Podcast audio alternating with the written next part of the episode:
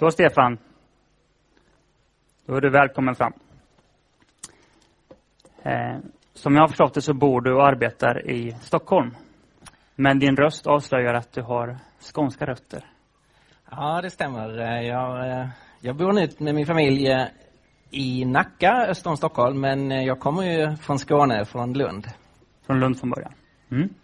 Har du några erfarenheter av ELM Syd sedan tidigare? Ja, jag har mycket erfarenheter. Jag har ju växt upp i, i det här sammanhanget och har varit på sommarmöten i hela mitt liv. Okej, okay. från första gången som medverkande? Ja, det stämmer. Du är jättevälkommen hit. Tack så mycket. Innan Stefan ska få ta över ska vi be lite kort för honom. Herre, tack för att du var med Stefan på resan hit. Välsigna det som han ska dela med oss här idag. Tack för att du vill rusta oss för det som kan vara en kamp på liv och död. I ditt namn ber vi. Amen. Varsågod.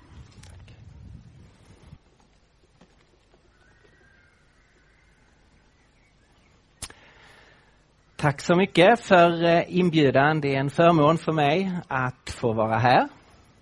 Och allra mest är det en förmån förstås att tillsammans få lyssna till Guds ord.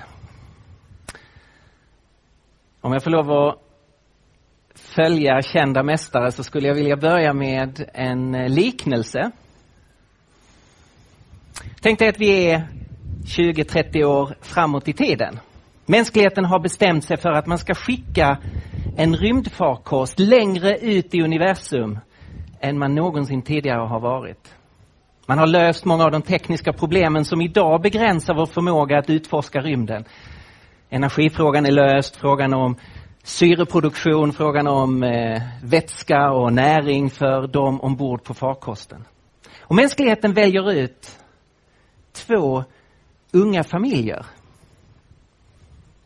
Två familjerna består av vardera av en man och en kvinna och ett nyfött barn. De ska representera mänskligheten om man beger sig iväg. Första året går alldeles utmärkt och man hinner hiskeligt långt ut i rymden på ett år. Men i början av år två händer en fruktansvärd olycka ombord på rymdfarkosten. Som gör att de fyra vuxna omkommer. Kontakten med jorden bryts. Det mesta av datakraften slås ut. Men som genom ett mirakel överlever de två små barnen. Några filer i farkostens datorer har också klarat kraschen. Bland annat några talinlärningsprogram så mirakulöst nog lär sig barnen att tala.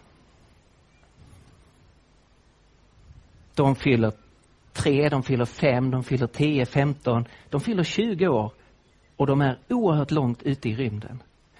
Kan du föreställa dig deras situation? De har ingen som helst aning om varifrån de kommer. Eller vad farkosten är för någonting, vad planeten jorden är. Eller vad som var tanken med att de finns ombord på en rymdfarkost. De är fullständigt förlorade. För mig är det här en bild av, av oss människor.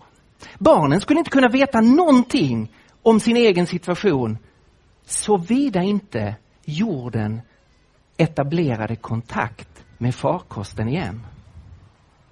Eller att en datafil med information om varifrån de kom ifrån hade överlevt katastrofen. Så här är det för oss människor. Som snurrar på det här sandkornet i universum. Hur ska vi kunna veta varifrån vi kommer, varför vi finns här, vart vi är på väg, om det finns någonting mer än det som precis är synligt för våra ögon? Det enda som skulle kunna hjälpa oss, det är ju om det är en plats därifrån vi ytterst sett kommer etablera kontakt med oss. Och det är ju det som är anspråken i Bibeln, att det är ett budskap, ett meddelande ifrån den Gud som har skapat universum, som har skapat den här planeten och som har skapat dig och mig. Att vi har fått kontakt, kan få kontakt med vårt ursprung. Och därför är det så spännande att tillsammans få lov att studera Guds ord. Och det ska vi göra nu. Vi ska läsa ett välkänt avsnitt ur Efesierbrevet. Efesierbrevets sjätte kapitel, vers 10 till 13.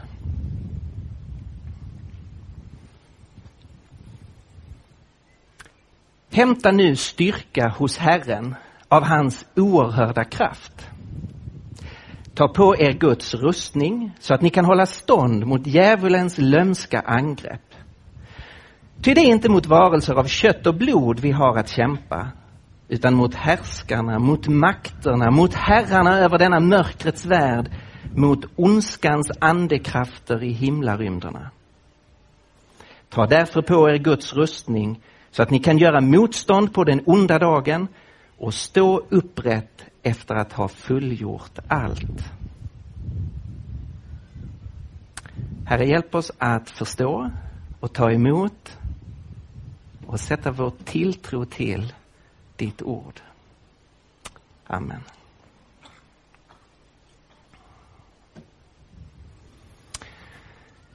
Paulus sammanfattar mycket av sin undervisning i Efesierbrevet här och han gör det på ett väldigt provocerande ord. På ett väldigt provocerande sätt. Man måste ju faktiskt ställa sig frågan så här. Det som jag just nu läste, kan någon som har lämnat mellanstadiet bakom sig på fullt allvar ta in det här? Tro på en ond makt, på en personligt ond makt på att det onda har en övernaturlig, en transcendent källa. Ja men kom igen, är vi inte moderna människor? I 2010 års Sverige har vi inte lämnat den sortens mytologiskt tänkande bakom oss.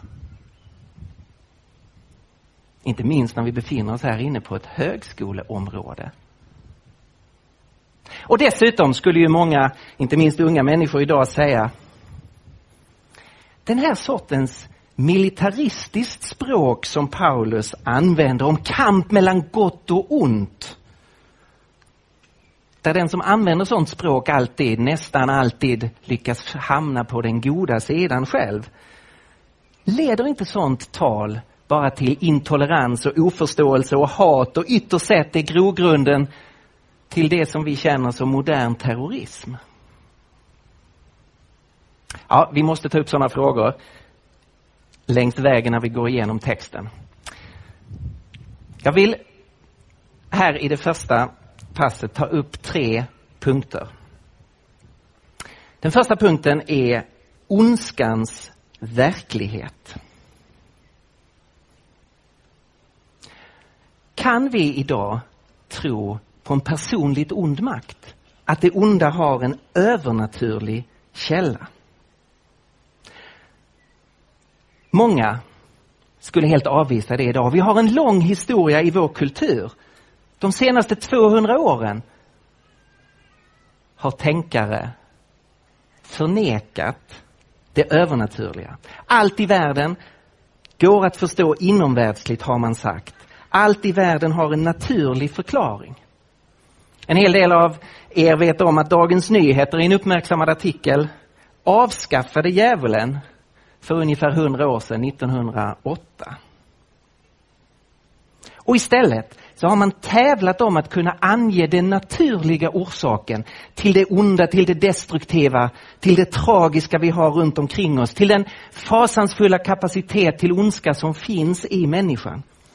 Och man har sagt, ja men det där kan vi förklara ekonomiskt. Det är fattigdom och förtryck som skapar frustrationer som i sin tur leder till våld och ondska.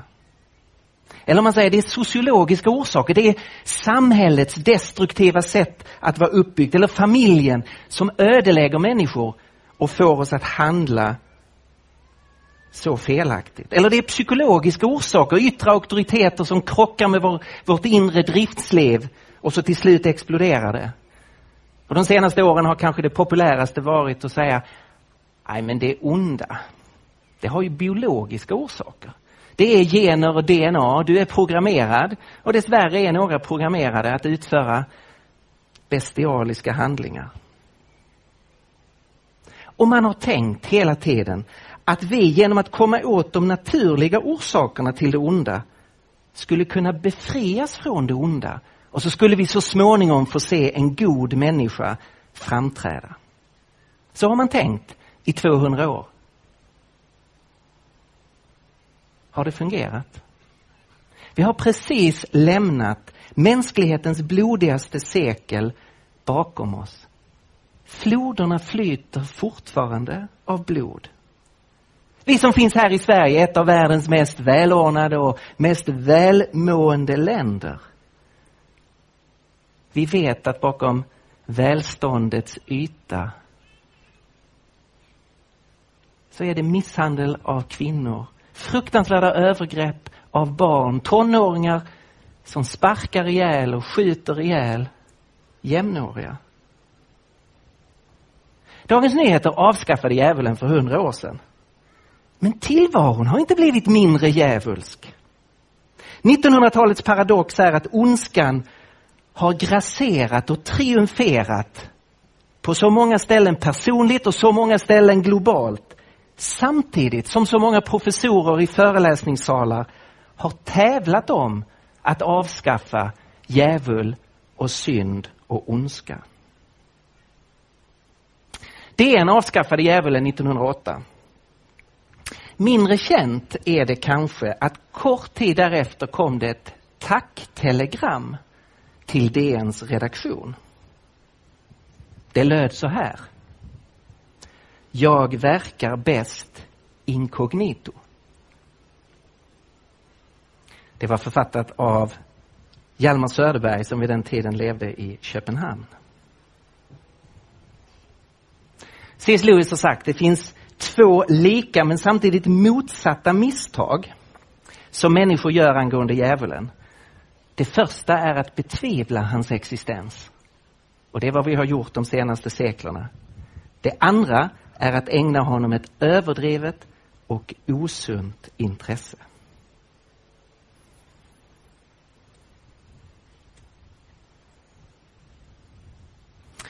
Författaren Edgar Allan Poe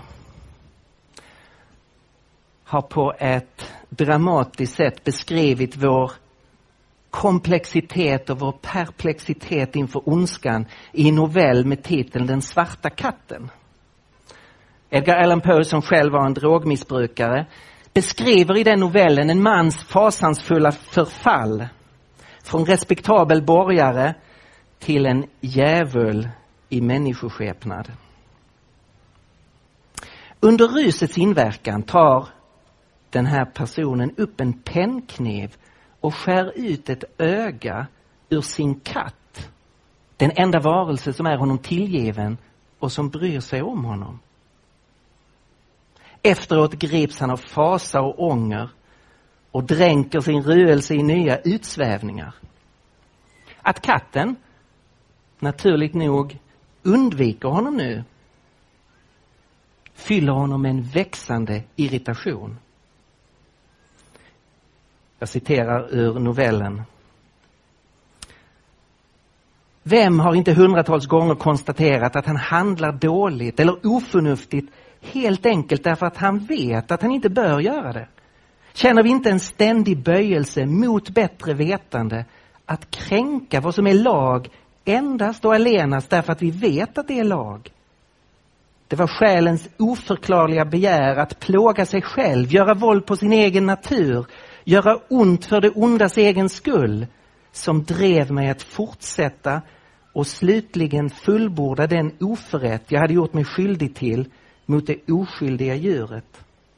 En morgon la jag helt cyniskt en snara om dess hals och hängde det i ett träd medan tårarna rann och jag kände det bittraste samvetskval.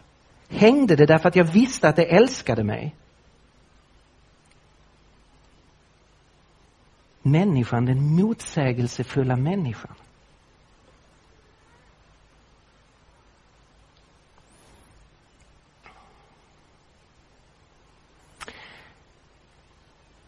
En amerikansk akademiker, Andrew Delbanco. Han är professor vid ett av elituniversiteten i USA. Han är inte kristen, han är eh, en, en sekulär humanist. Han har skrivit en uppmärksammad bok som heter The Death of Satan, Satans död.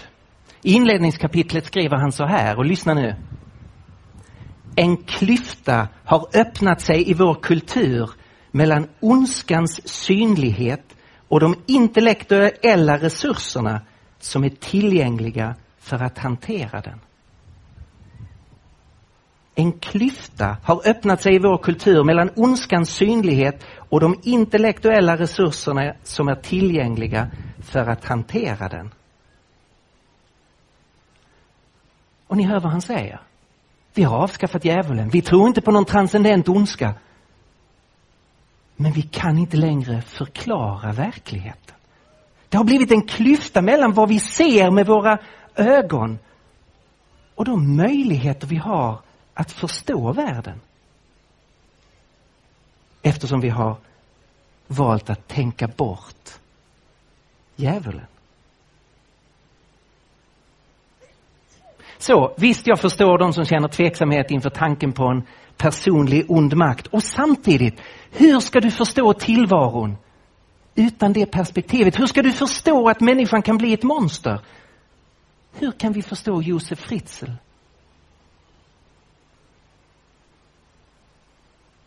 Del Banco talar om vår brist på intellektuella resurser för att förstå ondskan i världen. Och det är precis här som Paulus undervisning är så viktig. Här finns det intellektuella resurser att förstå världen och människan som den faktiskt är. Paulus säger, ty det är inte mot varelser av kött och blod vi har att kämpa. Vad innebär det?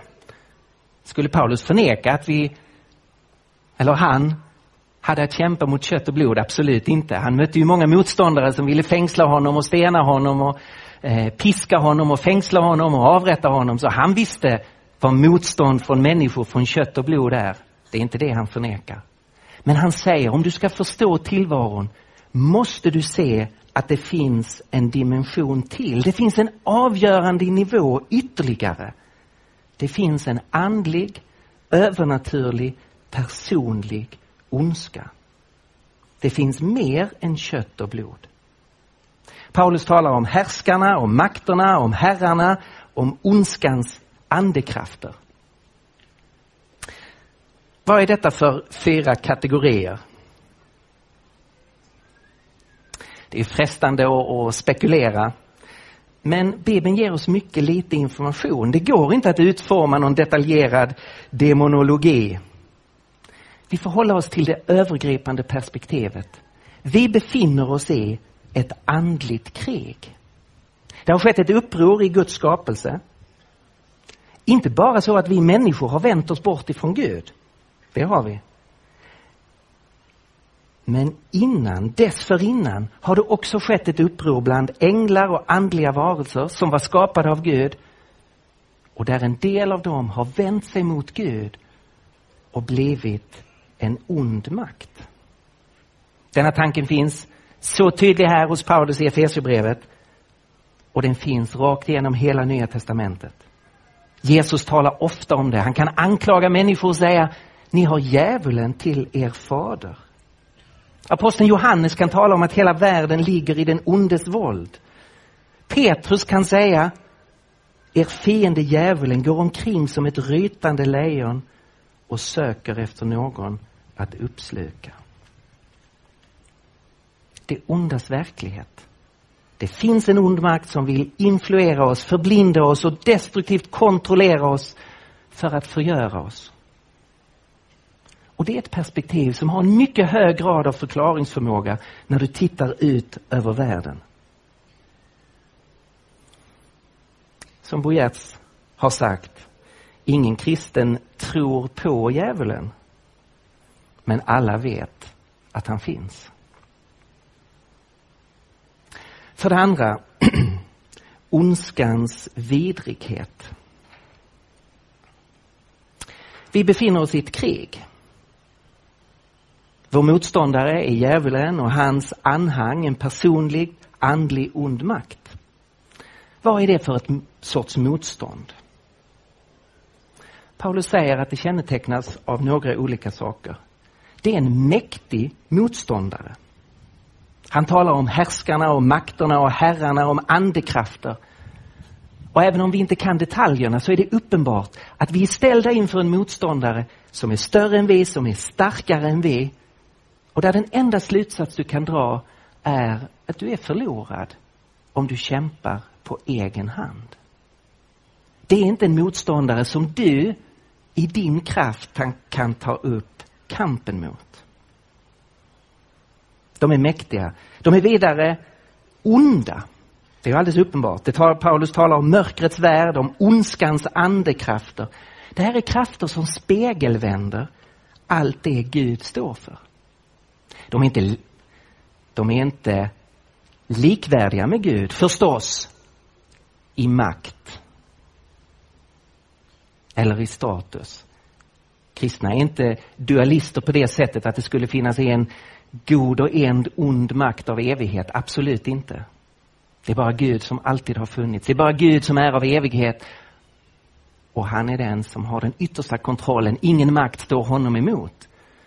Den onda makten är en skapad makt, den är därför begränsad. Och den har uppstått vid ett visst tillfälle när man vände sig mot sin skapare. Men nu har man blivit en ond makt, man har blivit förvänt och är spegelvänd mot det som Gud står för. Man vill förstöra och ödelägga, man vill lägga i ruiner det som Gud har tänkt, det som Gud har skapat, det som Gud vill. De är mäktiga, de är onda och det är en lömsk motståndare. Paulus talar om deras lömska angrepp. Vi vet från första Mosebok kapitel 3 den första informationen vi får om denna makt, att där säger texten att ormen som symboliserar eller representerar den onda makten, att ormen var listigare än alla andra varelser som Gud har skapat. Hans intelligens övergår alltså vår. Han är en dödlig motståndare för oss som attackerar på alla fronter och kan använda helt oväntade strategier. Nya testamentet kan tala om att den onde kan förklä sig också till en ljusets ängel.